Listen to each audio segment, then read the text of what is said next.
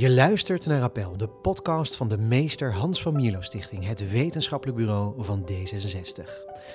Een podcast waarin we op zoek gaan naar vernieuwende sociaal-liberale ideeën en oplossingen voor politieke en maatschappelijke vraagstukken. Mijn naam is Daniel Schut. Maar ik denk dat het volstrekt uh, onrechtvaardig is om te zeggen tegen kinderen van het is jouw verantwoordelijkheid om niet te sterven op weg naar school. Hoe verplaatsen we ons snel, veilig en duurzaam? Politici en verkeerskundigen breken, breken, zich het hoofd over deze vraag. Volgens Marco de Brummelstoet, hoogleraar Urban Mobility Futures aan de Universiteit van Amsterdam, is deze vraag echter te beperkt. Beter vragen ons af, waarom staat de auto zo centraal in ons verkeer? En wat zijn hiervan de gevolgen? En wat als we het nu eens heel anders gaan doen? Over deze vragen schreef hij samen met journalist Talia Verkade het bekroonde boek Het Recht van de Snelste, waarin hij pleit voor een andere kijk op mobiliteit. In deze aflevering van Appel praten we met hem over auto's, fietsen, snelheid, vertraging en nog veel meer. Van harte welkom, Marco. Ja, dankjewel. Fijn ja, om hier te zijn. Nou, heel fijn dat je er bent. Ehm, we hebben eerst even, om je wat beter te leren kennen en wat inzichten te krijgen in jouw eigen mobiliteitsvoorkeuren, hebben we een paar stellingen voor je. Ehm, de eerste, Formule 1 of Tour de France? Wat kies je? Wauw. Uh, allebei, maar uh, ik ben toevallig met die vraag bezig over welke van die twee nou duurzamer is. Oké, want dat is nog een vraag. Welke, twee, welke duurzamer is? Daar, daar, ik, ik heb sterke vermoedens dat de Formule 1 wel eens duurzamer kan zijn dan het, uh, het uh, prof uh, wielrencircuit. Meen je dat? Dan wil ik gelijk weten waarom. Nou ja, het is eigenlijk begin, begin, een simpel begin. Achter op een sigarendoosje is gewoon tellen hoeveel auto's achter wielrenners aanrijden. Bij gemiddelde Tour de France etappe, dat zijn er een paar honderd.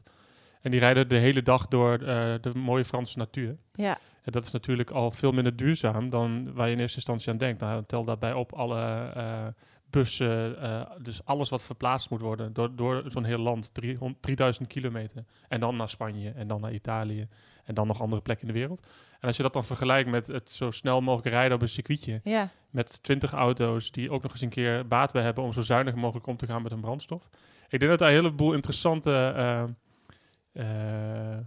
interessante uh, resultaten uit zullen komen als we dat eens een keer langs de, langs de lat verwacht, leggen. Ja. Nou, dat is gelijk al uh, vernieuwend inzicht nummer ja, ja. Is, uh, ja. Um, maar ik, ben, ik kijk letterlijk wel eens uh, Formule 1 en, Tour de, en Tour de France uh, op twee schermpjes naast elkaar. Echt dus waar? allebei heel Geweldig. Oké, okay, tweede stelling. Vliegvakantie of wandelvakantie? Wandelvakantie. Files met de auto of vertraging met de trein? Vertraging met de trein. Waarom? Omdat vertraging met de trein uh, waardevol kan zijn. Uh, omdat je op dat moment. Um, in, in de trein ben je niet alleen. In de trein ben je eigenlijk nog in de openbare ruimte. En als je mazzel hebt, dan reis je zelfs met meerdere mensen. Kan je gezellig kan met elkaar klagen over de vertraging. Ja. ja. en dat is een van de leuke dingen bij vertraging in de trein. Ik denk dat we het allemaal wel herkennen. Um, we hebben daar een term voor bedacht. Dus je, je wordt een tot groep gemaakte. Dus je bent ineens, uh, als er iets gebeurt in die trein, als, als er even ergens uh, het niet zo soepel loopt als, als je had verwacht, dan word je ineens een groep. Dan ja, worden alle individuen hebben ineens een soort van hey, we are in ja, it together. together. Lotsverbonden. Ja, Lots, ja, precies. Ja, en dat heb je in de auto oh, eigenlijk niet. Hè. Dan ben je uh, op het moment dat dat systeem niet functioneert, dan ben je heel individualistisch daar een slachtoffer van. Zit je in je eentje te balen. Ja, en je bent je... En, en het resultaat van de vertraging is vaak dat al die andere individuen daar ook zijn. Dus die wens je dan weg. Ja. Dus ik denk dat vertraging in de trein kan een heel mooi maatschappelijk uh, mooi sociaal uh, effect hebben. En vertraging op de weg is vaak juist uh, leidt tot een soort extreem egoïsme. Ja, road rage krijg je dan, hè? Dat ja, exact. Dat mensen... Ja, er, is nog, er komt nog eens bij, want je, je bent vertraagd en, en dan moet je maar eens opletten, als je in de auto zit, dan zie je alleen de achterkanten van andere mensen. En da ja, da is daar, is, daar is wel veel psychologische studies, studie naar, dat, dat dat leidt tot een soort van gevoel van disengagement. Dat mensen, eh, moet je maar eens voorstellen, als je de hele dag mensen je niet aankijken, maar je ziet alleen maar de achterkant. achterhoofden. Ja. ja. Mensen dus hebben het gevoel okay. dat ze letterlijk de rug toegekeerd wordt. Exact. Je, ja, ja, ja, ja, En dan ook nog eens een keer, uh, en al die mensen zitten jou ook nog eens in de weg. Dus het zijn een soort uh, obstakels. Uh, dus ja, in de, in de auto ben je con continu in concurrentie met elkaar, terwijl in, in het openbaar vervoer en op de fiets en wandelend ben je veel meer coöperatief. Ja, ja of als je dan vecht om die ene laatste zitplaats weer. Maar goed, oh, met vertraging en dat is iemand dat... daar een tasje neer Ja, ja precies. Nee, oh, en dan, dan krijg je vaak wel een ja. goed gesprek. Hè? Dan, uh, uh, tenminste, als iemand dat dan durft, of, of iemand zegt er wat van, dan krijg je dus wel een soort eh, ja, maatschappelijk gesprek bijna. Van, eh, eh, mag ik hier zitten? Eh, dan krijg je eigenlijk al een soort gevoel van, ja, het is eigenlijk eh, niet oké wat ik doe. Dus je hebt een soort lerend vermogen. Ja. Eh, en dat krijg je omdat, omdat het publieke ruimte is. In de publieke ruimte eh, eh, word je eigenlijk, eh, voed je elkaar ook een beetje je op. opgevoed. Ja, Nou, in de auto kun je eigenlijk alleen maar toeteren en, en met uh, obscene vingergebaren dingen proberen duidelijk te maken. Dat is niet een goede manier van opvoeden. Dat is een hele eh, moeizame manier van communiceren. ja. Ik zal er eens over nadenken de volgende keer als ik eh, iemand inderdaad moet vragen om Ja. zijn tas weg te We halen. zijn ze aan het opvoeden. Dat is Ja. Een goed gevoel eigenlijk ja, dan. nou, dat is wel omkering. Ik erger me de meeste groen en geel aan. Ja, precies. hey Marco, jij heet op, op Twitter eh, fietsprofessor. Is het een term die je zelf hebt gekozen of is het een soort geuzennaam die je hebt gekregen uh, gaandeweg? Nee, ik, ik had een soort van uh, hele vroege midlife crisis in mijn academische carrière. Hoe oud was je toen? Toen was ik um, 25. Oh, dus dat is heel vroeg, ja. Misschien quarter life, quarter ja, life quarter crisis. life crisis. Ja. En uh, wat toen dacht ik, van, ja, wat doe ik hier eigenlijk? Hè? Is, is dit nou wat ik wil in het leven? Uh, academische papers schrijven. Toen ben ik gaan nadenken, uh, lang verhaal kort, toen ben ik een eigen fietsenwinkel begonnen. Dus ik ben toen Nederlandse bakfietsen gaan verkopen in München, in Duitsland. Maar ik bleef ook een beetje met één been in de wetenschap. Dus ja, eigenlijk kwam daar automatisch al die naam vandaan. Want de wetenschap werd steeds meer geïnteresseerd in... Moeten we dat fietsen in Nederland niet wat beter onderzoeken? En, uh, maar wie kan dat dan? Ja, de, toen wisten ze dat er een of andere gekke wetenschapper in Amsterdam was... die ook een eigen fietsenzaak had. en zo kwam van het een het ander. En kwam de geuzennaam uh, de fietsprofessor, of cycling professor. Oh, lachen. Wat leuk. Wat een mooi verhaal. En de, hoe is het met de bakfietshandel afgelopen? Die is uiteindelijk uh, te zielen gegaan. Um, nou ja, de... de dit is ook maar hoe je het bekijkt. Hè. Dus mijn, uh, mijn, mijn KVK-nummer bestaat nog steeds. Okay. Uh, maar ik doe nu hele andere dingen. Dus een van de dingen die gebeurde... is ik wilde impact hebben, daar kwam ik achter. Een impact van een paper. Daar, daar, hebben we wel een wetenschappelijke methode voor. Maar dat, dat is, ja... Daar ga je niet tijdens kerst zeg maar, op terugkijken van hoeveel H-index scores je hebt gehaald per jaar. En die fietsen waren heel duidelijk van ik verkocht in, in totaal denk ik 200 bakfietsen. Oh ja, heel Dus ik heb 200 gezinnen geholpen om uh, hun auto te laten staan of zelfs uh, weg te doen in München. Dus dat had, dat had heel veel voldoening. Maar toen kwam ik erachter dat als je echt impact wilde hebben, dat je als je die twee, dan, als je die twee dingen zeg maar, goed zou kunnen combineren. Nou, onder andere op social media, uh, maar ook weer in de wetenschap. Dus ik denk nu uiteindelijk dat, ja, bestaat dat bedrijf nog? Het bestaat nog, we verkopen alleen geen fietsen meer, maar we verkopen wel uh, het gedachtegoed. Uh, dat heet nu het Urban Cycling Institute. Dus we, we, we proberen nu um, wetenschappers te helpen om praktisch relevante kennis over fietsen te ontwikkelen. En we pro proberen mensen in de praktijk te helpen om die kennis dan ook weer toe te passen. Nou, als dat geen impact is. Mooi. En dan ben je dus eigenlijk, dat noemen ze dan de tech-industrie, een beetje in stealth mode weer gegaan. Dat je dan niet echt iets verkoopt, zo noemen ze dat. dat is, uh, maar dat je dan iets aan het ontwikkelen bent of ideeën aan het promoten bent. Achter ja. de schermen. Ja, zo kan je het noemen. Ja, ik, ik zie het zelf als... Uh, ik heb in mijn hoofd altijd een piramide uit het, uh, uit het boek Denken in Systemen van Donella Meadows. Vorig jaar in het Nederlands uit is gekomen. Uh, en zij zegt dus, een, een, een, systemen die wij zien zijn opgebouwd uit verschillende lagen. En hoe dieper je in die piramide gaat, hoe groter je veranderingen in dat systeem kan bewerkstelligen. En bovenin zitten dus fietsen verkopen, kleine ingrepen, waar we het heel veel over hebben, heel graag over hebben. Maar dat noemt zij shallow of oppervlakkige ingrepen. En de diepere lagen, dat is dan misschien inderdaad stealth mode, maar is nadenken over de talen, over de, onze wereldbeelden, over uh, hoe we überhaupt nadenken over die systemen. Nee, dat, is, dat is inderdaad wat ik nu probeer te doen. Ja, maar het, het klinkt een beetje. Uh, je zei dat je dus families in München heb je uh, afgeholpen van de auto. maar het klinkt een beetje alsof je een soort anti-auto-professor bent dan ook. Ja, ja. Ja, dat heb je automatisch als je, als je um, het systeem bevraagt. Het systeem waarin wij leven is natuurlijk een de auto gedomineerd systeem geworden. En op het moment dat je dat systeem bevraagt, dan ben je anti dat systeem. En dat is op zich al, al heel interessant. Hè? Op het moment dat je uh, over alternatieven nadenkt. In, in, Nederland ben je dan gelijk een activist of je bent anti iets. Ja. Uh, of je bent een fundamentalist. Terwijl het eigenlijk heel vreemd is dat je als je zegt ik wil dat onze straat uh, veilig is voor onze kinderen. Is het eigenlijk heel raar dat we, dan dus, dat, dat we dat een activistisch of een anti-standpunt noemen. Het is eigenlijk een heel normaal standpunt. Misschien, misschien is het systeem waarin wij leven wel heel erg uh, fundamentalistisch en, en anti. Dat is goed dat je het zegt, want ik heb wel eens discussies met mensen eh, binnen de partij en ook buiten de partij over het gebruik van de auto. En heel vaak zijn er mensen die dan direct reageren met wat je nu voorstelt en wat je nu verzint. Uh, dat is autorijdertje pesten. Ja. Ja. Alleen maar alsof je dat doet omdat je daar zin in hebt. Zie Ja. jij jezelf ook zo dat je zin hebt om autorijders te pesten of, of zit het anders? Uh, nee, nee, helemaal niet. Maar ik probeer dus, ik probeer telkens uh, wat er nu in mijn hersenen gebeurt, is dat ik dan nadenk van ja, maar als je dat nou omdraait, hè, is het niet zo dat dat, dat dan niet doen, die ideeën die jij dan uh, poneert. is dat dan niet bijvoorbeeld eh, kinderen pesten Ja. of, eh, of eh, mensen pesten die geen auto willen of kunnen rijden? Ja. Ja. Dus wat, eh, maar wat het in ieder geval laat zien, denk ik, is die heftige reactie, is dat we een maatschappij hebben die helemaal, nou ja, ik zeg wel eens verslaafd is geraakt aan, aan een, een snel mobiliteitssysteem. En dat wordt dan gesymboliseerd door de auto. Maar een systeem wat gecreëerd is met heel veel geld en moeite in de afgelopen 90 jaar, denk ik. Mhm. En dat systeem is nu zo ver, ver- vervrochten met eh, ja, hoe wij ons leven inrichten en welk comfort wij verwachten. Dat op het moment dat je daar de, de vragen over stelt, dat er dan hele heftige tegenreacties ontstaan. Ja. Hè, op het moment dat je zegt, zullen we eh, in alle steden in Nederland wat minder snel gaan rijden? De van 50 naar 30. eh, eh, Het het huis van is te 50 naar- klein. Ja. ja. inderdaad. Dus Ja. we zijn nu al twee jaar bezig eh, met allerlei weerstand daartegen. Terwijl eh, ja, de, de, de voordelen evident zijn. Want misschien ook heel even, hè, even bij het begin beginnen. Jij zegt ehm, eh, hoe de auto zo centraal, dat de auto zo'n enorme rol is, komen, is gaan spelen eigenlijk in de samenleving. Dat laten jullie ook zien in je boek, Het Recht van de Snelste. Hoe die openbare ruimte eigenlijk is, is ingepikt door de auto, zoals jullie het noemen. Hoe is dat nou zo gekomen? Hè? Hoe is die auto nou ooit zo centraal komen te staan? Heeft hij die rol gekregen die hij nu heeft? Nou, ik denk dat dat begint dus weer met een laagje dieper in die piramide. Dus, Ja. dus, dus- en daarom, eh, dat, da- daarom is, het, is de auto ook niet het probleem, maar laat heel goed zien wat de onderliggende problemen zijn. Ja, Het is eigenlijk begonnen met eh, eh, in de jaren 20, jaren 30, eh, dus de vorige eeuw, 100 jaar geleden, eh, kwam, kwam, kwam in eerste instantie die automobiel op onze straten terecht. Of eigenlijk kwam er een, een voertuig die individu individuen het mogelijk maakte om sneller van A naar B te gaan. Maar dat botste met allerlei andere betekenissen en gebruiken van die straat. En om daarmee om te gaan, kun je eigenlijk twee dingen doen. Je kan zeggen, ja, dit- deze innovatie past niet, jongens. Sorry, gaan we niet doen. Of je gaat zeggen, nou, we moeten zorgen dat er tot een nieuwe eh, taal komt, een nieuw idee over hoe we die straat gaan gebruiken, zodat het wel past. En dat tweede werd eh, gekozen, of dat tweede gebeurde, zou je kunnen zeggen. En dat had slechts een periode van tien jaar eh, nodig. Is een fantastisch boek, Fighting Traffic, van Peter Norton, die dat laat zien hoe dat dan gaat.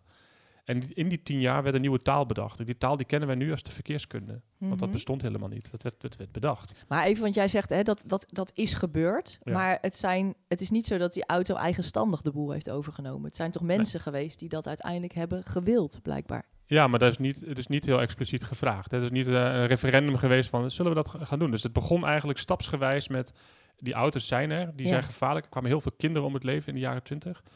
Eh, en en eh, een logische reactie van ouders was dus bijvoorbeeld, eh, ja, dat is heel erg onrechtvaardig. maar ik zou ook wel graag willen dat op school mijn kinderen uitgelegd krijgen dat ze goed moeten opletten. Want dat gevaar is er nu eenmaal. Nou, en daarmee, in, in, een paar stapjes, normaliseer je vervolgens dat gevaar en wordt die straat een plek die gevaarlijk is. Nou, al die stapjes bij elkaar opgeteld, die leiden eigenlijk tot een manier van kijken naar onze straat en naar ons mobiliteitssysteem, waarin de auto perfect past. Kort gezegd, er zijn heel veel eh, eh, aannames eh, gemaakt in die, in die nieuwe taal van de verkeerskunde. Maar centraal erin staat dat de individuen egoïstische, calculerende, geïsoleerde ehm, nutsmaximaliseerders zijn. Homo economicus, kennen we dat uit de, uit de, economie? Die vooral op A of B willen zijn. En, en onderweg zijn is dus in die logica, dat heet dan een disnut. Dat is iets negatiefs. Dus je wilt eigenlijk altijd zo makkelijk mogelijk van A naar B gaan. Zo Dat- snel mogelijk misschien. Of, Zo snel, Ja. comfortabel, goedkoop. eh, eh, met zo weinig mogelijk energieverlies. En, eh, en dat is een, een karikatuur van wie wij zijn als mens. Eh, maar die, dat, dat werkt relatief goed. Dus dat zit in al onze modellen, dat zit in al onze besluitvorming. Dus op het moment dat wij op, in Den Haag 8 miljard per jaar uitgeven aan mobiliteit, dan geven we dat eigenlijk uit aan het faciliteren van dat- die karikatuur. Van de mens die zo snel mogelijk van A naar B wil. Nou, wat past daar nou het beste bij? De auto. Dus de auto is het beste in staat om een individu zo snel en makkelijk mogelijk van A naar B te brengen, mits alle andere individuen dan geen auto hebben. Maar bedoel je dan eigenlijk dat dat die karikatuur van die mens die zo snel mogelijk van A naar B wil, dat dat bedacht is? Want ik kan me toch indenken dat voordat de auto er was, dat mensen ook eh, liever eh, één dag onderweg waren dan drie dagen als ze ergens heen gingen, eh, Ja, te dus- voet of met de fiets. Het is een karikatuur die bepaalde eh, delen van wie de mens is uitvergroot. Want dat doet taal. Hè. Taal is Mhm. een versimpeling. Dus dit is een versimpeling van wie wij zijn. Dat wil niet zeggen dat het, dat het fout is. Mhm. het, is het, is een- het is waar. Hè. Het is deels waar. Wij zijn deels consumenten. Eh, maar door dat centraal te stellen in ons beleid van de afgelopen decennia, versterken we ook dat deel. Dus het is geen spiegel van de werkelijkheid. Dus op het moment dat je zegt, we benaderen mensen vooral als, als consumenten die mobiliteit zien als een soort eh, ehm, als een soort eh, dienst die ze afnemen en eh, waarvan ze eisen dat die zo snel en makkelijk mogelijk is. Op het moment dat je dat eh, op die manier gaat inrichten, dan, wo- dan worden mensen ook zo steeds meer en meer en meer. Mhm. Nou, wat zie je nou? Is dat een van de dingen die daarin centraal is komen te staan, is het begrip reistijdwinst. Of verkeerskundigen noemen dat zelfs voertuigverliesuren. Dat wordt een centraal thema van als we, als we dus kunnen zorgen dat al die individuen reistijdwinst boeken, dan, eh, dan is, dat, is dat een maatschappelijke baat. Dus in al onze modellen van, van experts en technocraten die uiteindelijk bepalen waar ons geld aan uitgegeven wordt in het mobiliteitssysteem, staat het, eh, het streven naar reistijdwinst voor die individuen Ja. centraal. Dus, dat, Dus- dat, dan moet je een file gaan oplossen bijvoorbeeld. Want dan hebben al die individuen reistijdwinst. En die, en die tijd winnen ze dan en die kunnen ze dan voor andere dingen gebruiken. Dat is, dat is, het, dat is de kernaanname. Nou vind ik het een heel interessant filosofisch vraagstuk en daar moeten we het uitgebreid straks ook over hebben. Maar nog even terug naar de jaren twintig, want ik, ik hoor je dus zeggen, nou ja, toen is dat mensbeeld dus ontstaan. Hè, van de, de, de- dat is geïntroduceerd in de verkeerskunde en dat is eigenlijk de, de bron geworden van dat veld verkeerskunde. Tegelijkertijd denk ik ook, als ik kijk naar de jaren twintig en bijvoorbeeld de eeuwen daarvoor, dat iets als reizen wel echt iets voor de elite was. Eh, bijna niemand, behalve de mensen van adel en de rijke kooplui, hadden eh, paard en wagen bijvoorbeeld. Eh, Moet je even kijken welke eeuw dat precies is. Maar, maar de auto is wat dat betreft toch ook wel een belangrijk democratisch instrument geweest. Dat mensen Zeker. daarmee ineens Ja. ehm, hun eigen dorp uit konden.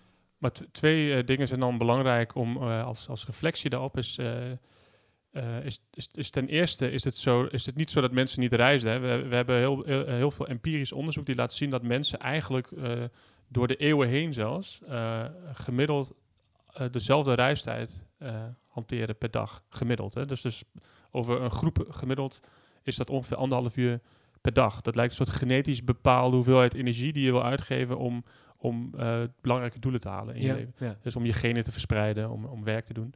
Eh, dus eh, alle mensen eh, gemiddeld reisden altijd al even lang in reistijd. Alleen hebben we nu een systeem gemaakt waardoor we reizen over grote afstanden makkelijker maken. Inderdaad, hè, je bent makkelijker van je ene dorp je andere dorp.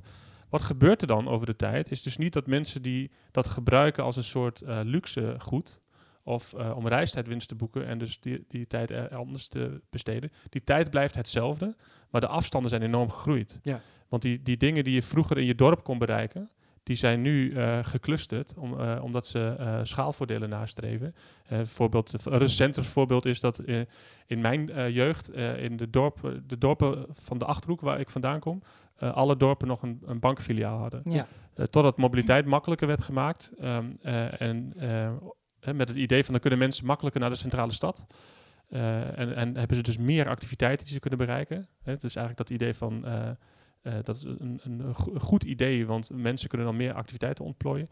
Dan zie je dus over vijf, tien jaar later is dat eh, al die activiteiten zijn geclusterd en mensen nu dezelfde reistijd hebben om naar de bank te gaan, maar nu met de auto moeten, omdat die afstand enorm gegroeid is. Ja, ja. Dus dat is één. Het, het, het tweede eh, is dat, ik in de, dat je inderdaad eh, ehm, de, re- de ik denk dat de oorspronkelijke redenen om op deze manier naar mobiliteit te kijken heel erg goed te billijken waren. Eh, na de Tweede Wereldoorlog we waren de, de samenleving aan het opbouwen. En in eerste instantie is het inderdaad, eh, eh, is, is er denk ik best wel consensus over te vinden dat het, het, het aanbieden van betere mobiliteit, meer mobiliteit voor iedereen, dat dat een, een doel is waar we met z'n allen wel over eens waren. Alleen kun je je nu afvragen of dat doel nog steeds onbesproken moet blijven. Is het nog steeds zo dat we nu 8 miljard per jaar moeten uitgeven aan het vergroten van het mobiliteitspotentieel van, van iedereen? Of hebben we genoeg en gaat het nu vooral over verdeling daarvan? Of gaat het nu over andere doelen centraal stellen? Eh, daar komt nog eens bij dat eh, ehm, eh, ook in de jaren 70, maar ook recent zie je ook veel studies die juist laten zien dat ons geld helemaal niet gaat naar mobiliteit voor iedereen. Maar dat we nog steeds vooral eh 8 miljard per jaar uitgeven aan het ondersteunen van een elite. En Mhm. wij zijn nog steeds een mobiliteitselite. En eh, het gros van de mensen eh leidt daar dus onder. Dat En wat bedoel je dan met die elite specifiek? Wa- Waar, waar doe je dan op? Eh, de, de, de mobiele elite. Dus je ziet eigenlijk een soort... Mensen met een auto? eh, mensen die in staat zijn om, om mobiel te zijn überhaupt. Ja. Dus inderdaad, als je dan het symbool van de auto neemt, zijn in Nederland miljoenen mensen die geen toegang hebben tot een auto. En die dus van het systeem helemaal niet profiteren. Mhm. En eigenlijk alleen maar last van, van hebben. Dus eh, d- er is een heel mooi boek geschreven in, ehm, in de jaren, begin jaren 70 door Ivan Illich, Energy and Equity, waarin hij laat zien dat als, een, als je dus blijft eh, investeren in het sneller maken van mobiliteitssystemen, eh, dat vooral een elite, dus een, een, eh, een groep daarvan profiteert, maar dat het gros van de mensen daar negatieve gevolgen van ondervindt. Dus je maakt het makkelijker voor een aantal mensen om van A naar B te reizen. Daardoor gaan de A's en de B's verder uit elkaar. En moeten dus al die andere mensen verder reizen eh, voor dezelfde activiteiten. Mhm, En mhm. zo, want ik vind het interessant hoor. Dat is een soort democratische sleutel die je kunt eh, toepassen op het debat dan. eh, over het verdelen van mobiliteitspotentieel. Wat, wat ik nu ook voor me zie is bijvoorbeeld die, eh, dat schandaal wat we afgelopen jaar hebben gehad met Jeff Bezos. Die dan een superjacht heeft lopen maken in Rotterdam. En daarvoor zou die mooie brug, de Hef, zou gesloopt moeten worden. Omdat hij dat jacht vanuit de Rotterdam, de haven waar het gebouwd werd, eh, naar zijn eigen haven. Ik weet niet waar die dat heeft, maar dat wilde transporteren.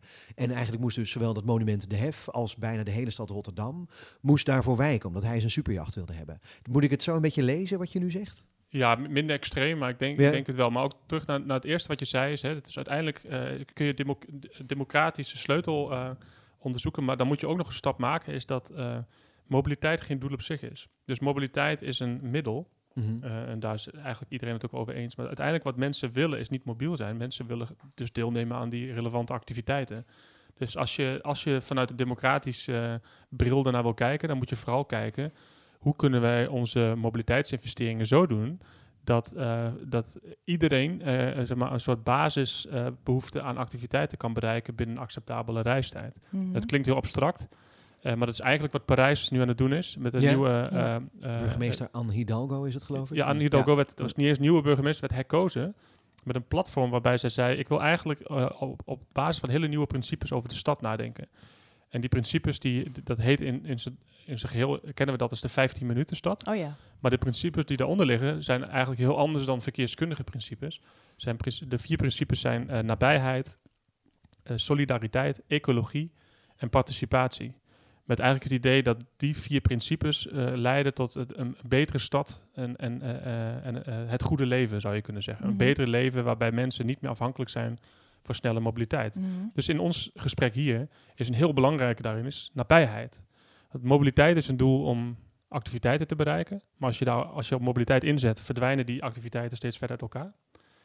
Eh, maar met eh, een alternatief middel kun je hetzelfde doel eh, bereiken. Dus niet inzetten op mobiliteit, maar inzetten op nabijheid. Dus kun je nou niet 8 miljard per jaar bijvoorbeeld gebruiken om te zorgen dat supermarkten geen schaalvoordelen meer nastreven, maar dat, ze, eh, dat al- elk dorp weer zijn eigen supermarkt heeft, waardoor die mensen in het dorp niet in de auto hoeven om, om naar de winkel te gaan. Ja. Mhm.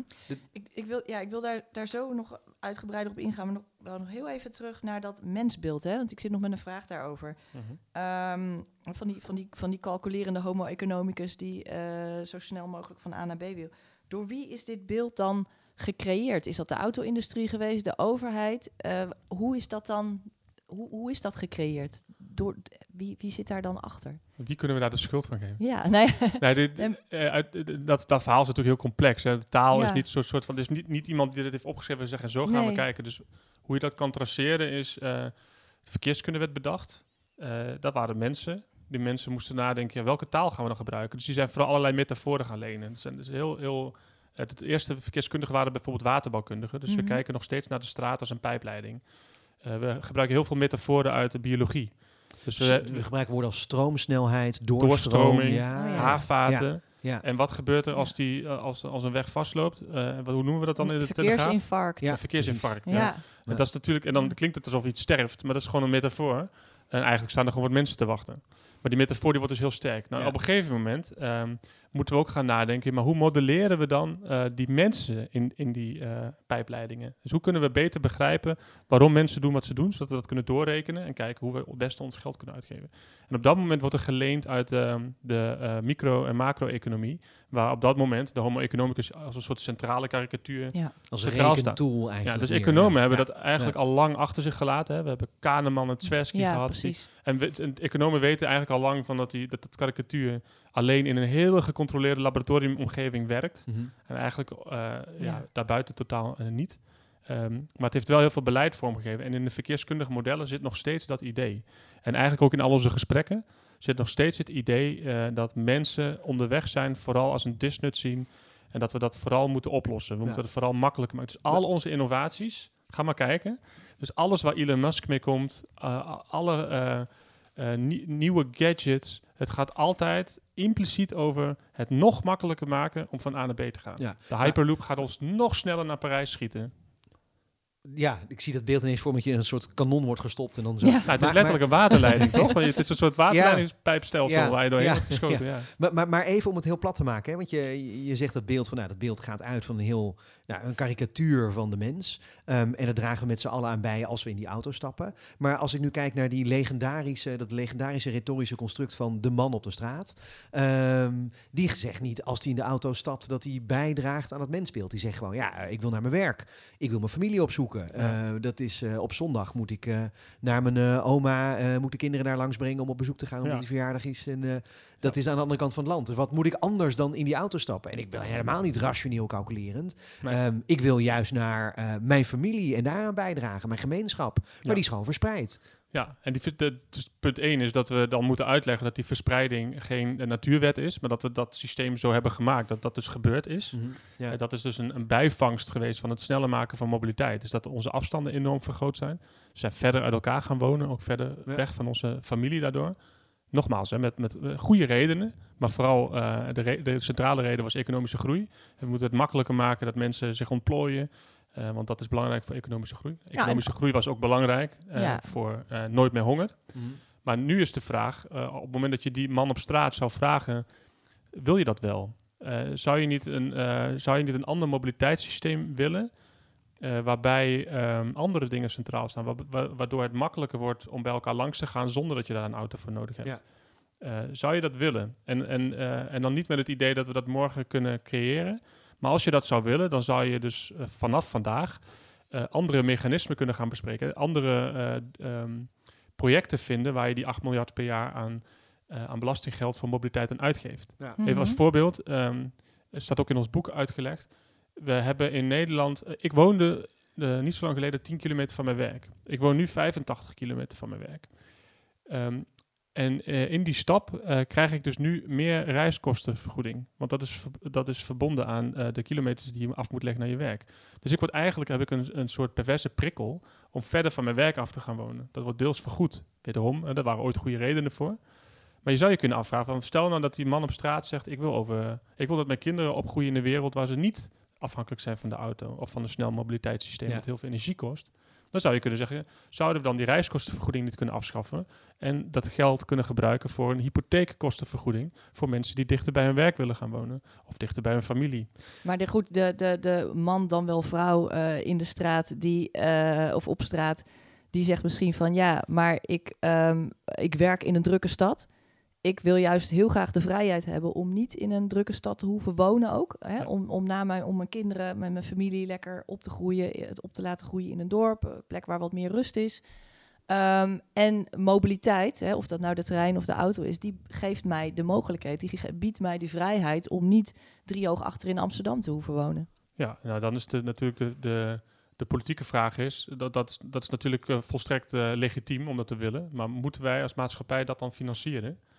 Eh, of moet je zorgen dat die kwaliteiten die mensen zoeken ook eh, dichterbij aanwezig is? Ehm, en wat je ziet is dat die, die, die keuze die eh, de mensen dus nu maken, die is stevig gesubsidieerd. Dus de kosten, de maatschappelijke kosten die die keuze met zich meebrengen. Ik wil graag in Ede wonen in mijn geval en ik wil op en neer kunnen in Amsterdam. Daar is een heel mobiliteitssysteem voor nodig. Dat mobiliteitssysteem doorkruist natuurgebieden, eh, leefomgeving van mensen, zorgt voor geluidsoverlast, voor fijnstof, zorgt voor astma bij kinderen. 600 kinderen per jaar in Nederland krijgen zware astma door de ultrafijnstof van, van, van banden van dat systeem. Al die kosten worden nu niet meegewogen in, in die keuze van die persoon om dat te doen. Mhm. En daarmee hebben we dus een, een systeem gecreëerd eh, waarbij ehm, die keuzes eigenlijk dus gesubsidieerd worden. Dus Mhm. de, de keuzes die een heleboel maatschappelijke doelen eh, tegenwerken. Dus los van economische groei hebben we ook doelen als eh, bijvoorbeeld klimaatdoelen of eh, doelen over sociale cohesiedoelen, Gezondheid, gezondheidsdoelen. Ja.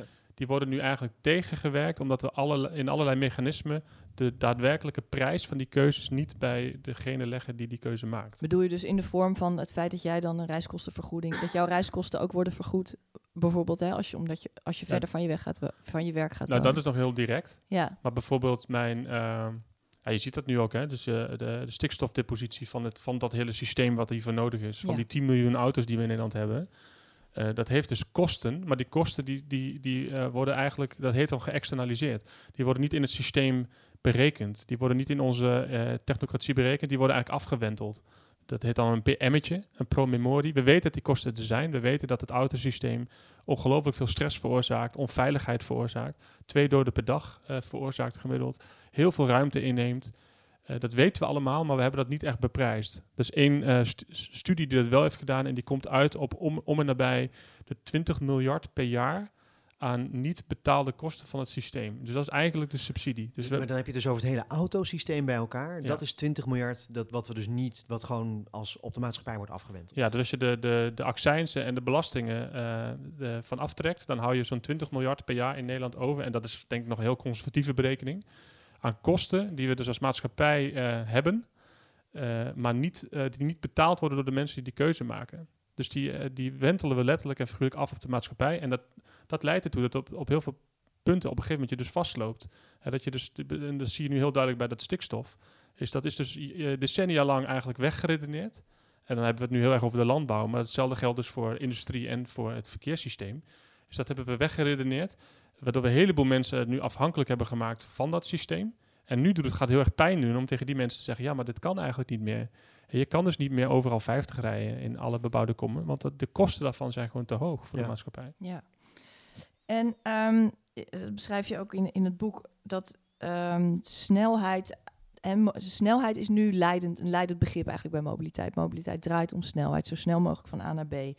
Als we dat niet meer, eh, niet meer leidend maken, hè, en daarnaast de vrijheid is ook een, natuurlijk een groot goed in mobiliteit. Als we dat niet meer leidend maken, dan zouden dat zou betekenen dat we zo ongeveer alles moeten omgooien. Ehm, het, het, dat, dat leidt tot meer, dan is meer verandering nodig dan alleen op het gebied van mobiliteit.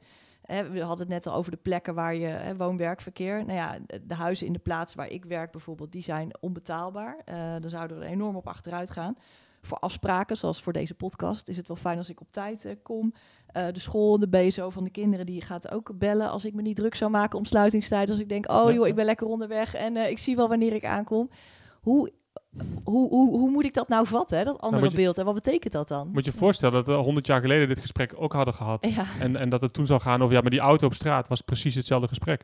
Ja. Kan alleen, de, de, het systeem kan alleen bestaan als we daar ook de komende 100 jaar triljarden aan euro's uit gaan geven. Dat hele systeem moet op de schop. Onze hele maatschappij is veranderd. Dus dat, dat, het verhaal dat we, is heel terecht dat je dat zegt. Eh, maar, maar we moeten dus, dus ten eerste dus beseffen dat dat een gemaakt systeem is. Ja. Alles wat we, wat we nu voor lief nemen, is niet een, eh, een natuurwet. Het is een gemaakt systeem waar we heel veel geld en energie in hebben gestoken. Dus, dat is heel bevrijdend. Het is- heel cynisch, maar het is ook heel bevrijdend. Want dat kan dus ook kan anders. ja. En dat kan niet, eh, ik denk dat het eerste besef moet zijn, dat kan dus niet van vandaag op morgen ineens anders. Maar we moeten dus nadenken over wat stuurt eigenlijk ons denken in het systeem. En wat heeft ons eigenlijk hier gebracht. Want als we op het Maar- moment maar dat dat dat dan eens op concreet niveau. Want ik Ja. zit dan weer te kijken naar... Nou ja, we hebben de gemeenteraadsverkiezingen iets van een jaar geleden ongeveer gehad. Ja, Ehm, er komen binnenkort provinciale statenverkiezingen komen eraan. ja. Ehm, er zijn heel veel fracties zijn nu op zoek naar... oké, maar hoe kunnen we het verhaal dan concreet vertellen? Want als je in een willekeurige gemeente bijvoorbeeld praat over... laten we de snelheid begrenzen in een bepaalde kom. Laten we bijvoorbeeld minder parkeerplekken hebben in een bepaalde buurt. ja. Ja, dat, is, dat leidt tot het failliet van die partij. Want iedereen zegt dan... ja, maar ik vind het prima dat dus- andere mensen minder auto Ja. rijden. Dus, dus, An- maar, Maar ik niet moet ik. wel mijn parkeerplaats maar dus, dus Anne Hidalgo is een dictator? Nee, dat zeg ik niet. Dus maar zij- nee, maar zij is toch ik vraag herkozen? jou- Ik vraag aan jou, leg dan uit. ehm, Maar zij is herkozen als burgemeester Ja, van ja, Parijs met ja. dit verhaal. Dus Ja. het is helemaal geen politieke zelfmoord. wat, wat was het wat, wa- eh, percentage autogebruikers in Parijs? Want Parijs was van oorsprong al een stad waar mensen heel veel met die prachtige metro deden en ondergronds gingen. En, Ja, maar, maar datzelfde kun je zeggen over een stad als Amsterdam, waar eh, zeg, vij- 25% van de gezinnen een auto bezit. Maar ik denk Ja, dat dus het... het is, het is nou, ik, ga ook antwoord geven op je vraag. ja, hoor. nee, precies. Ja, maar het, is, het ja. is in zekere zin dus een lachspiegel. Het idee dat, dat mensen niet willen veranderen, is, eh, is iets wat in de hoofden van politici zit. Ja. Eh, maar eh, er zijn heel veel bewegingen op dit moment in de, in de maatschappij die heel graag verandering willen. Hoe Ja. kom je daar nou? Nou, dat heeft dus te maken met die onderste lagen, de, de deep eh, ehm, eh, leverage points, zoals Donella Meadows dat noemt in haar piramide. Dus niet, niet, niet meer praten met elkaar over kunnen we nou het iets groener maken of iets veiliger. Eh, kunnen we parkeerplaatsen opheffen? We moeten naar de onderste laag. En daar zit dus taal. Dus de taal die we gebruiken om hierover na te denken, beperkt ons denken. de taal van de homo economicus beperkt dus ons denken. We kunnen dan alleen nog maar denken, hoe krijgen we nou iemand blij? Nou, door uh, treinen op windenergie te laten rijden. Hè? Want dan hebben we het duurzaam gemaakt en is die homo economicus nog steeds blij. Als we echt een ander systeem willen en een ander gesprek willen met elkaar, en daar ligt een enorme kans, dan moeten we leren om andere talen te gaan spreken. En dat is precies wat Anne Hidalgo dus heeft gedaan. Ja. En dan moet je niet, natuurlijk is, is het heel zinloos om te zeggen, ehm, wij gaan uw parkeerplaats opheffen. Bent u daarmee eens? Dan, dan benadruk je al het mobiliteitsaspect en iets wat je afneemt. Op het moment dat je dezelfde vraag stelt en je vraagt aan mensen, wilt u aan een straat wonen waar uw kinderen weer veilig buiten kunnen spelen? Dan heb je 80, 90 procent draagvlak. Want dat wil bijna iedereen. Ja. Wil je in een stad wonen waar, eh, waar je, eh, je kinderen als ze acht zijn zelfstandig naar school kunnen? Want dat is in Nederland het enige land ter wereld waar dat lange tijd kon. Dat is sterk aan het afnemen. Wil je dat? Dan heb je een enorm eh, verkiezingsoverwinning te pakken. Want dat willen mensen graag. En dat leidt dan vervolgens, want dat laat Hidalgo zien. Hidalgo heeft niet gezegd, ik ga eh, 10.000 parkeerplekken opheffen. Maar dat is ze nu wel aan het doen. Ze heeft niet gezegd, ik ga eh, 168 basisscholen in Parijs autovrij maken. Maar dat gaat ze nu wel doen. En hoe komt dat? Omdat ze draagvlak heeft gecreëerd door te zeggen, ik wil ten eerste een betere stad. Ja. Nou Ik denk, wil- ik, ja, nou, nou denk ik dat dat in een grote stad inderdaad wel makkelijker is. Eh, want daar ervaren mensen inderdaad de enorme overlast van kinderen die niet veilig op straat kunnen spelen, die niet eh, van A naar B op een veilige manier kunnen. Ehm, maar eh, ik denk dat dat in dorpen, in, in, in gebieden buiten de grote steden, dat dat wel een ander verhaal is. Want daar hebben mensen het punt dat of openbaar vervoer eh, te ver weg is, zodat ze eerst met de auto naar een treinstation moeten. Eh, dat werk niet in de buurt is, dat inderdaad supermarkten eh, te ver weg zijn. Dus ik Maar- denk maar dat het daar een ander dan- verhaal is. Zeker. Tegelijk, ten eerste denk ik dat persoonlijk helemaal niet. En dat iedereen heel graag ook in een dorp wil dat hun kinderen weer zelfstandig naar school kunnen. Ehm, Zeker, maar daar... maar, maar ten ja. tweede is, de- is, is de, zeg maar de, weerstand die je nu in dit gesprek eh, komt, is precies weer van ja, die, dat zijn geen gegevens. Het feit dat openbaar vervoer uitgekleed is, is een direct gevolg van de keuzes die we al decennia Mhm. maken. Dus als wij willen dat, eh dat is niet gemakkelijk, maar als wij zeggen, ik wil in mijn dorp gewoon centraal stellen, niet dat mensen efficiënt naar hun werk kunnen. Ik wil graag dat centraal gesteld wordt dat mijn kinderen goed kunnen leven en autonoom door, de, door het dorp kunnen. Dan ben je er nog niet. Nee, dan begint het pas. Dan Want dan moet je gaan nadenken, ja, precies. Ja. Wat, en dit is maar één verhaal. Hè. Het verhaal van het kind is één verhaal. Wat je ook eh, een heel sterk verhaal in Groningen op dit moment. eh, ook een stad, maar, maar ook weer niet een supergrote stad. Zij zeggen, eh, onze straten moeten minimaal tien verschillende doelen dienen. En wij zijn het afgeleerd. Hè. We hebben die straten eigenlijk weggegeven aan één doel. Namelijk zo snel mogelijk en zo comfortabel mogelijk van A naar B. Daarom staan er overal auto. auto's. Ja. Ja. Maar eh, we hebben ook sociale cohesiedoelen. We hebben klimaatadaptatiedoelen. Eh, we hebben betekenisdoelen. We hebben eh, gezondheidsdoelen. En op het moment dat je een straat dus gaat herinrichten, dat heet de leidraad Nieuwe Ruimte, hebben ze aangenomen. Het is gewoon aangenomen beleid nu. Ja. Ehm, betekent ook dat ze helemaal opnieuw moeten nadenken hoe doe je dat, hoe, hoe voer je dat gesprek. Maar waarbij ze zeggen, iedere straat moet een gesprek zijn over die tien doelen. En één daarvan is verkeer. Dus het is niet zo dat we, dat we het verkeer is, is stom en dat moet allemaal weg. Maar het is één van de tien doelen.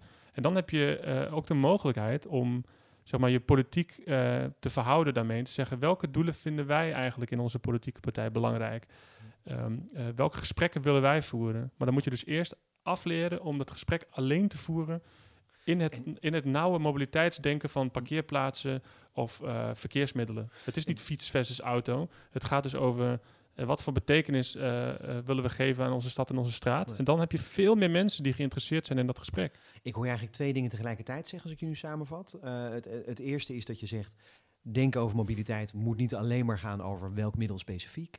Maar ten tweede, dus auto versus fiets bijvoorbeeld. Maar ten tweede geldt mobiliteit is ook niet alleen maar snelheid en dat optimaliseren. Het is ook ehm, hoe, welke andere sociale doelen spelen daar een rol bij. En die, dat gesprek moet je open op tafel leggen. Nou, in mobiliteit en, uiteindelijk waar mensen vooral in geïnteresseerd zijn is hun eigen straat. Want dat is uiteindelijk publieke openbare ruimte. Ja. En dat zijn we vergeten. Dus dat gesprek hebben we niet. We hebben daar geen. eh, we vragen daar mensen nooit naar. We, we st- we stellen allerlei vragen, maar dat zijn al ge- ge- zeg maar nauw geformuleerde vragen die over eh, het verkeerssysteem daarin gaan. Ja. Mensen hebben dus ook afgeleerd om die ruimte te zien als publieke ruimte. En dat gesprek zou je opnieuw kunnen gaan voeren. En En dat, dat- dat is heel interessant dat je dat zegt. Want het- beeld dat bij me opkomt als je door, door veel, zowel dorpen als steden in Nederland loopt, eh, hebben we heel erg ook een verdeling van je plekken waar je woont en je plekken waar je werkt. Ja. Terwijl voor de Tweede Wereldoorlog had je ook heel vaak je heel veel kleine supermarktjes, heel veel kleine andere winkeltjes in alle, alle woonwijken. Ehm, en als je ook in heel veel andere wer- wereldsteden komt, dan zie je dat ook, dat het heel makkelijk verdeeld is. Je hebt gewoon overal Ja. sociaal verkeer, gezellig verkeer, winkelverkeer, cafés, allemaal andere dingen heb je allemaal. Ehm, Nou, dat is maar dus- in Nederland is het allemaal dat je, je, je slaapt daar ehm, en daar prop je eten in je kinderen om dan zo gauw mogelijk maar naar je werk te gaan. Eh, Ja, dat, er, zijn, er zijn een heleboel redenen voor, maar een van de redenen dat dat dus kan, en, en dat hangt dus heel erg met elkaar samen. Het ruimte- en mobiliteitssysteem is omdat we mobiliteit makkelijk hebben gemaakt, Ja. kan dat, maar Ja. daardoor word je ook afhankelijk daarvan. Dus je zit in een soort zelfversterkende cyclus, dat, dat je, je moet op pad, je moet ver weg naar, Ja. naar die middelen, maar dat kan ook. Maar dat kan alleen als we dat zo laten. En da da- daar komt die weerstand vandaan van, we doen het nou eenmaal zo. Ja. En dit is best wel comfortabel voor de meeste mensen. Dus we negeren maar even dat, eh, dat kinderen niet meer buiten kunnen spelen. Dat weten we wel. We weten ook dat er vandaag twee mensen om het leven komen. Eh, dat zag ik vanochtend zelfs al. Dus maar gemiddeld elke dag komen er twee mensen om het leven. Wat- 70 ja. zware ongevallen in Nederland per dag. Ja. In onze openbare ruimte is een soort oorlog aan de gang. Dat weten we allemaal. Maar het, eh, we weten ook hoe precies eigenlijk die, die weerstand. We weten ook dat het heel veel gaat betekenen op het moment dat je het gaat omdraaien. Nou, als je dat wil, als je zegt van dit systeem is onhoudbaar en het moet anders, dan, eh, dan, eh, dan is de enige manier om dat gesprek constructief te voeren met, eh, met, met politici maar, eh, en met, met burgers, is dat je andere verhalen gaat vertellen. En, dat, en, en, en ten eerste laat zien, dit is waar we in leven, is een gestolde versie van een verhaal. En dat is waar het recht van de snelste over gaat. Ja. We leven eigenlijk in een soort van eh, gestolde werkelijkheid die we ooit hebben bedacht. Ja. En dat is heel bevrijdend Precies, die we, die we zelf ooit ook wilden. Ja, Hè? maar Ja. daar kun je dus weer vragen over gaan stellen. Maar Ja. dat begint dus eigenlijk... Nou, ik, weet, het- ik weet ook niet zo goed waar het begint. Begint dat nou bij politieke partijen die andere verhalen gaan vertellen? Of begint het, en daar is het al begonnen, bij burgers die zeggen... ik wil uh, die weer dat mijn kinderen zelfstandig naar school kunnen. Ik vind het onacceptabel dat mijn straat alleen maar voor verkeer is. Ik vind het onacceptabel dat uh, als mijn kind vier jaar is... is waar gebeurd... als onze kinderen vier jaar zijn... vier jaar op school... dan krijgen ze uitgelegd dat ze niet meer met een bal op de stoep mogen lopen... omdat Veilig Verkeer in Nederland zegt... het is gevaarlijk op straat. Hoe ja. kan dat bestaan? Waarom leren we onze kinderen niet dat, dat, dat we dat bedacht hebben? Dat die onveiligheid onacceptabel en onrechtvaardig is. En dat zij burgers zijn die ons, uh, die uh, samen met hun ouders, want die zijn daar verantwoordelijk voor, kunnen nadenken over hoe krijgen we dat weer veiliger. Mm Mhm. -hmm. En niet uh, aan, aanleren dat het gevaar er is. Dat is er niet. We hebben dat gecreëerd. En ik denk dat dat, ja, het is, het, het is in eerste instantie klinkt het dus heel cynisch. Hè? Je bent anti-auto of anti-verkeerskunde. Ja. Of anti Ja. maar ik denk dat het juist heel bevrijdend is om te zeggen: nee, we, we zijn voor zoveel andere dingen. En we, zijn dat, uh, we hebben eigenlijk de, de ruimte daarvoor, de publieke ruimte, hebben we laten monopoliseren door één doel. Ja. En, en, als we dat niet ter discussie stellen, en nou, laat mij een politieke partij zien, een politiek programma die dat ter discussie stelt, die zegt. Ja. Dat willen we niet meer. Mm we, willen, we vinden verkeer belangrijk. We snappen hoe ingewikkeld dit allemaal is. Maar we willen nieuwe principes centraal stellen. En met die nieuwe principes aan andere steden werken, die zorgen dat mensen niet meer uh, alleen zijn. Die zorgen dat mensen gezonder zijn. Die zorgen dat uh, uh, klimaatadaptieve doelen worden gehaald. Die zorgen dat kinderen weer buiten kunnen spelen. Dan denk ik dat je veel meer draagvlak hebt dan je denkt. Ja. Mm -hmm. en, ja, en als we dan even kijken inderdaad naar die oplossing. Want D66 is toevallig een politieke partij die heel veel nadenkt over mobiliteit. Um, en één veel, binnen de partij wordt heel veel verwacht van onder andere de elektrische auto. Ja. Uh, maar daar, daar hebben jullie het ook over in je boek. Daar ben je niet per se, dat lost natuurlijk niet het probleem van. Uh, hè, dat is uh, klimatologisch gezien is dat een, uh, draagt dat bij. Maar dat lost niet het probleem op wat jij eigenlijk schetst van die auto in die centrale ruimte. Nee, totaal niet. Het is, het is de, de oplossing die je kan verwachten vanuit het systeem wat ook het probleem heeft veroorzaakt. Ja. Dus we gaan, we gaan een suboptimaal uh, ingreep doen. En uh, alle auto's die uiteindelijk een, een, een, 100% nodig zijn, die moeten we absoluut elektrisch maken. Ja. Dus alle vrachtwagens en weet ik veel wat allemaal. Maar um, dit laat inderdaad heel goed zien mm. dat we niet zo goed in staat zijn om een paar niveaus dieper na te ja. denken. Van wat voor toekomst willen we nou eigenlijk? Wat is de rol van de auto daarin? En is het dan zinvol om nu uh, in te zetten op elektrische auto's? Ja. Het is niet het enige overigens. Hè? Want bijvoorbeeld een, een ander uitgangspunt hè, waarover na wordt gedacht... is om het centraal te stellen van autogebruik in plaats van autobezit. Dus om, dat, niet, om, dat te, om dat te belasten, om dat eh, te nou beprijzen. ja, om, om, om eh, niet, meer het, het, het niet meer als doelstreven, nastreven van iedereen moet een auto Ja. kunnen bezitten en moet Ja. hem ook kunnen parkeren. Maar voor sommige eh, doelen zijn nu eenmaal auto's nodig. Eh, laten we kijken, waar heb je hem, eh, hoe kunnen we deelauto's bijvoorbeeld Deelauto's eh, inderdaad. dat je makkelijker gewoon- maken. Dat als er inderdaad, als je op bezoek moet bij je oma eh, en dat is niet eh, te bereizen met het openbaar vervoer, dat je dan wel de beschikking kunt hebben over een Maar auto. volgens, volgens mij is het heel simpel. Als je, als, als je binnen het systeem een oplossing wil bedenken, daar zijn wetenschappers het ook al decennia lang over eens. Dan moet je gewoon volledig beprijzen, eh, het, het bezit en het gebruik volledig beprijzen bij degene die het gebruikt. Ja, En zorgen voor alternatieven. En we hebben het nu wel heel tijd over zoeken naar alternatieven. Deelmobiliteit, wat in feitelijk gewoon een versie van huren is. Ehm, eh, slimme bussen, elektrische auto's.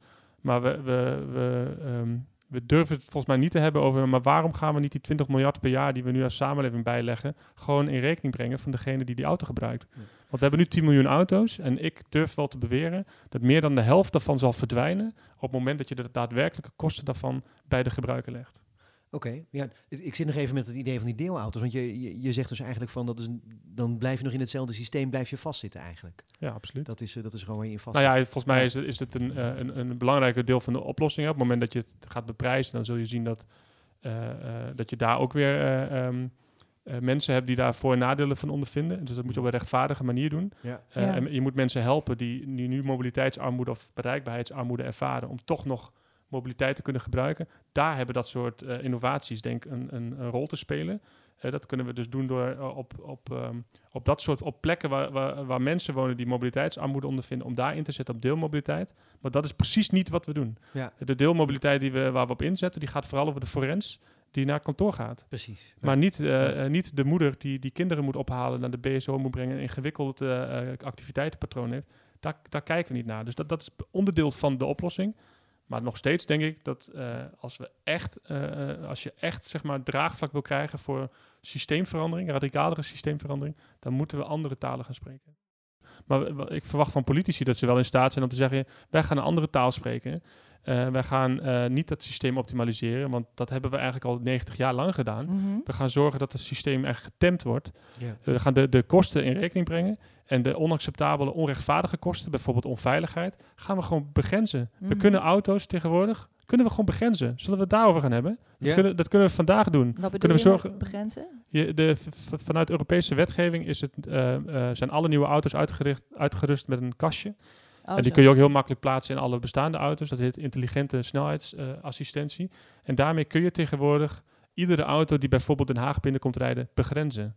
Je kan zeggen, wij accepteren niet meer dat onze straten plekken zijn waar kind van vier gevaar loopt. Mhm. Dat betekent dat je in Den Haag alleen nog maar 15 mag rijden. En dat is niet iets wat we aan de mensen gaan vragen. Mhm. Terwijl ze in een auto rijden die ook 200 kan. We gaan gewoon die auto begrenzen. Want 600 verkeersdoden per jaar is gewoon niet Mhm. acceptabel. Ik denk dat dat verhaal, zie ik ook nergens terug, dat daar ontzettend veel draagvlak voor is. En mensen moeten natuurlijk nog steeds van A naar B kunnen. Moeten we volledig inzetten op openbaar vervoer. Eh, en dat overal in Nederland. Of is dat nog steeds, zit je dan nog steeds in dat oude systeem?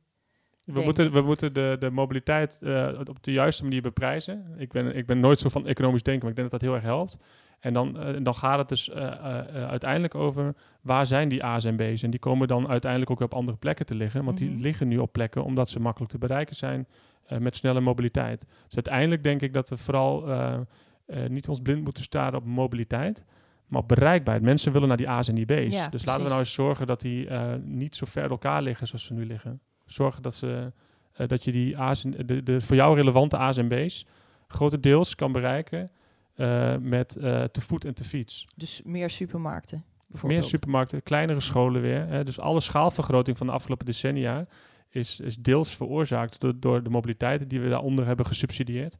Als je dat weghaalt, zal dat, zal dat weer enigszins terug in de plooi vallen. Dat gaat niet van vandaag en morgen, dat gaat ook weer decennia duren. Maar dat is denk ik de enige weg voorwaarts naar een systeem die niet alleen duurzaam, veilig en leefbaar is. Want laten we vooropstellen, een, een huwelijk wat, eh, wat, je, wat je omschrijft als leefbaar, duurzaam en veilig, dat is geen goed huwelijk. je, wilt, je wilt veel meer dan dat. Je wilt, je wilt eh, plekken waar mensen zich op eh, het goede leven kunnen hebben, zonder dat ze afhankelijk zijn van snelle mobiliteit. Oké, ja. We moeten afsluiten. Ja, ik We zal. hangen nog aan je lippen, we willen nog heel veel vragen stellen. Ja, dat is, ik, eh, ik, ja. mag, mag ik er nog één? eh, ja, nee, één, tuurlijk. Ja, eh, ja, ja, hoor. nee, ja, nog even over die taal, hè? want je hebt daar ook een paper over geschreven, Mobility Language Matters.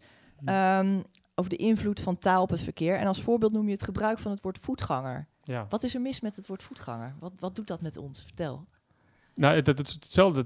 Je moet afvragen van wanneer zijn we dat woord gaan gebruiken. En het woord voetganger is bedacht eh, eh, ook in de jaren 30 Mhm. eh, in het verkeerskundig jargon. Eh, daarvoor eh, waren mensen gewoon onderweg. Dus bijvoorbeeld als ik hier door de gang loop naar de wc Ja, en ik kom jou tegen of iemand anders, dan noemen we elkaar geen voetganger. Dan zijn we gewoon. Ja. Maar zodra we dus in de openbare ruimte komen, ehm, moeten we gedisciplineerd worden in dat systeem wat daar geldt. Eh, je kan niet gewoon buiten lopen.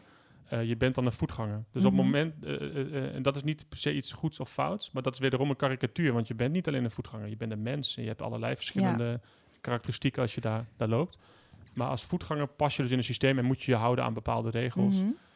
En daarmee, dat laat heel goed zien hoe dat, dat denken van de verkeerskunde tot aan onze voordeur eigenlijk is Mhm. gekomen. En, en alles monopoliseert Mhm. wat, wat buiten plaatsvindt. Maar voor de auto moesten mensen toch ook oppassen voor andere personen op straat, eh, voor andere fietsers. Hè? Ja. Je kan ook een flinke gewond raken als je tegen een fietser aanbotst. Dus op zich het, het, het omzien naar elkaar, het uitkijken voor elkaar en voor andere eh, vervoermiddelen is op, op zich niet heel slecht, toch? Nee, zeker niet. Nee, en, en, en- maar eigenlijk zou je kunnen zeggen, dat is iets wat mij altijd opvalt. Dat je, je, had, je hebt natuurlijk altijd ook eh, sociale regels gehad. Ja, En, en dat zou ik onder sociale Onder regel... eh, het sociale verkeer. zeg ja. maar. Ja, en, ja. precies. En, Ja. ve- en het Ja. verkeren was ook altijd een woord voor hoe je met elkaar omging in, de socia- in, de, in die openbare ruimte.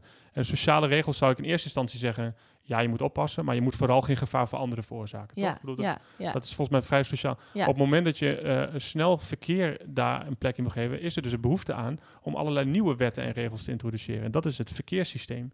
En nu is het zo dat als je op straat een conflict met iemand hebt, dat die persoon zich, zich sneller zal beroepen op de verkeersregels dan op de sociale regels.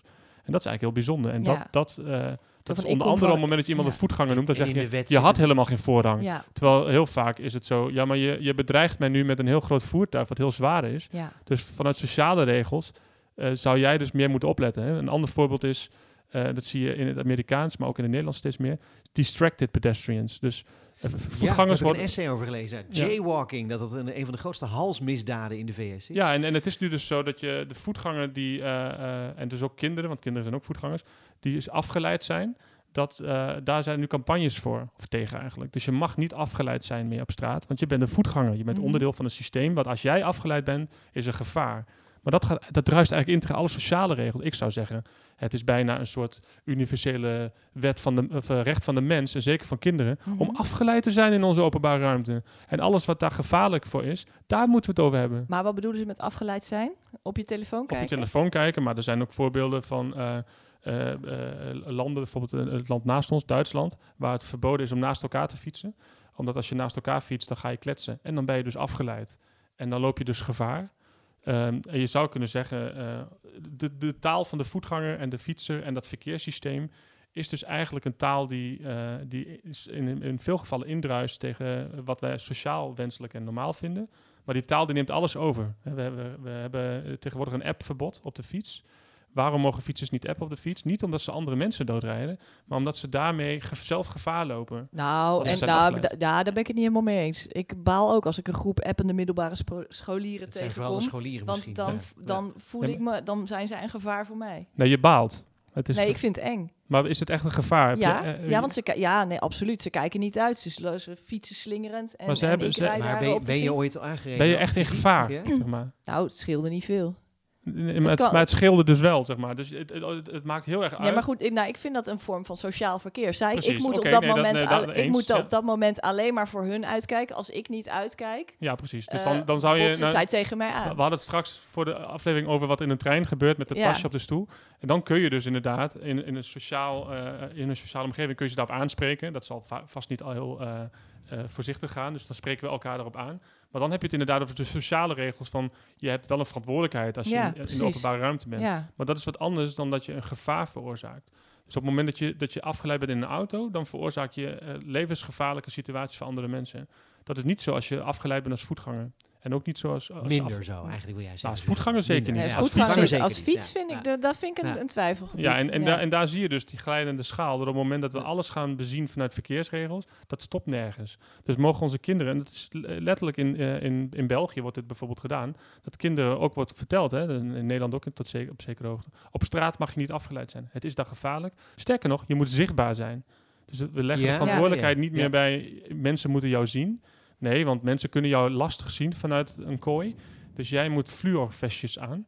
Eh, en, eh, Ja. je moet, in dit, is, eh, dit is serieus waar, in Canada moet je als je oversteekt een vlag pakken uit een, uit een bakje en dan moet je met die vlag oversteken. Oh, echt? Ja, ja je lacht erom, maar dit is, dit is, dus, een, dit, om, is dus een glijdende schaal en in Nederland is het allemaal precies. nog niet zo erg. Maar dit is dus waar als, als verkeerskundig denk- denken en het denkmodel daaronder niet bevraagt of ter discussie stelt, dan is dat de richting waar we op bewegen. Ehm, nou, en als je dat dus wel ter discussie wilt stellen, zeggen ja, maar moeten onze straten eigenlijk geen plekken zijn waar je nog afgeleid mag zijn? ja. Hè, en waar dat niet direct een doodstraf eh, moet opleveren. Nou, dan denk ik dat heel veel mensen zeggen, ja, eigenlijk wel, ja. En, en, en, en dat eh, vangen we bijvoorbeeld door te zeggen, kinderen moeten weer autonoom en zelfstandig naar school kunnen fietsen. En dat betekent dat ze Ja. daar onderweg naar die school ook afgeleid mogen zijn, want dat zijn kinderen nou eenmaal. Laten we zorgen voor een systeem waarin ze daar dus niet gestraft worden met, eh, met, met, met, met, met heft- heftige gevolgen. Ja. Mooi. Zit er ook een grens in hoeveel, hoe zwaar die gevolgen kunnen zijn? Want je zou natuurlijk ook kunnen zeggen, misschien is het wel goed dat ze leren dat als ze niet uitkijken dat ze hun neus steuten, eh, stoten. Nou, je neus Ja. stoten is wat Ja. anders Ja. dan... eh, Ja, onder een daarom, auto Ja, komen. dus dat je Ja. zit de app op de fiets en dat je dan struikelt en dat je dan Ja. dat je niks breekt. absoluut. maar dat ik je bedoel, een eh, ik ben helemaal niet. Ik, dus de, in de zekere zin is het goed om te leren dat je, eh, dat je gedrag gevolgen heeft. Ja. Ja. En dat je daar dus in- inderdaad ook een gesprek over voert: van is dit wel sociaal wenselijk? Ehm, maar ik denk dat het volstrekt eh, onrechtvaardig is om te zeggen tegen kinderen: van het is jouw verantwoordelijkheid om niet te sterven op weg naar school. Ja. Dat, dat Ja. is, is, is- volgens mij, dat vind ik dus apart. Dat Prachtige dus verwoording, ja, precies. Ja. Het recht om niet dood te gaan. Terwijl je Eh, het recht om Ja. gewoon Ja. veilig te zijn in de openbare ruimte. Dus als, als je dat in ieder ander domein, hè, als we zo bijvoorbeeld zouden zeggen, ehm, nou we hebben veilig verkeer in Nederland, stel dat we ook, ehm, stel dat we dat, dat, eh, dat, dat hebben over eh, verkrachters. We gaan onze kinderen ook niet vertellen, hoe ga je daarmee om? We, accepteren dat gewoon niet, dat het bestaat. Wij willen gewoon dat onze openbare ruimte veilig is en dat de politie en de overheid achter de mensen aangaan die die onveiligheid veroorzaken. Tuurlijk. Maar goed, we waarschuwen onze kinderen wel van ga nooit met een vreemde mee en neem geen snoepjes Ja, aan van ja, als- vreemden. Ki- Als kinderen wel, maar moet je als overheid dan bijvoorbeeld zeggen, doe geen rokje aan? Dus dat- Nee, nee, nee. Dus het gaat hier over de rol van de overheid. Die niet. moet, wat mij betreft, eh, zorgen Ja. voor eh, eh, in ieder geval een soort basisveiligheid in, die, in, in die openbare ruimte. Nou, met verkrachters is dat heel scherp en heel helder. Eh, maar we hebben dus ook een, een verkeerssysteem gecreëerd met z'n allen, waarbij je als overheid ook een positie zou kunnen innemen. hey, dat moet gewoon veilig zijn. Waarom is dat niet zo? Ja, ja. Nou, prachtige woorden. Wij gaan gewoon Dus zo nog even doorpraten. wij gaan, wij, gaan- wij, we gaan de eh, podcast gaan we afsluiten, ja, ja, maar wij maar- gaan nog even doorpraten. Maar dus niet, niet voordat we de, eh de slotvraag vaste slotvraag natuurlijk. Eh, stel, inderdaad, Marco, je was minister voor Infrastructuur en Waterstaat. Wat zou je dan nu als morgen als eerste doen? Gewoon beleid invoeren. Ik zou eh, direct mijn positie eh, eh, ehm, annuleren Ja. en het ministerie van INW anders noemen. Want daar begint het. Het ministerie van Infrastructuur creëert een systeem wat onze hele openbare ruimte beïnvloedt. Dus dat moet bijvoorbeeld het ministerie van Openbare Ruimte heten. En daar moeten dus veel meer experts van veel meer verschillende domeinen aan tafel komen zitten. Waardoor we veel breder en een complexer debat krijgen over eh, hoe we onze openbare ruimte inrichten. En wat daarin de rol van verkeer is. Zodat we eigenlijk dus leren dat mobiliteit niet een doel aan zich is, maar een middel. En dat daar heel veel andere doelen aan afgemeten of de doelen op toegepast kunnen worden. Ja. Ja, het tweede wat ik zou doen is trouwens, de, want je kunt het heel mooi zien hoe dat stolt. Het Rijkswaterstaatgebouw in Utrecht heeft, eh, heeft de vorm van een verkeerslicht. Dus daar zou ik ook meteen iets aan doen. Mooi. vorm van een boom van maken of Nou. zo. Ja. Marco, hartelijk dank voor je tijd en het hele goede gesprek. En eh, jij luisteraar, bedankt dat je er was. Ehm, vergeet niet je te abonneren op deze podcast, dan mis je geen enkele aflevering meer. En je kunt die podcast die kun je dan luisteren in eh, de auto of in de trein of waar dan ook maar. Of Wandelend natuurlijk vooral. gewoon thuis, wandelend ja, vooral, en lekker inderdaad. afgeleid zijn. Nergens weer op dat, letten. Dat mag gewoon dan, vinden wij. Dat is heel mooi. Hey, over twee weken dan zijn we er weer, dus eh, tot dan. wrong?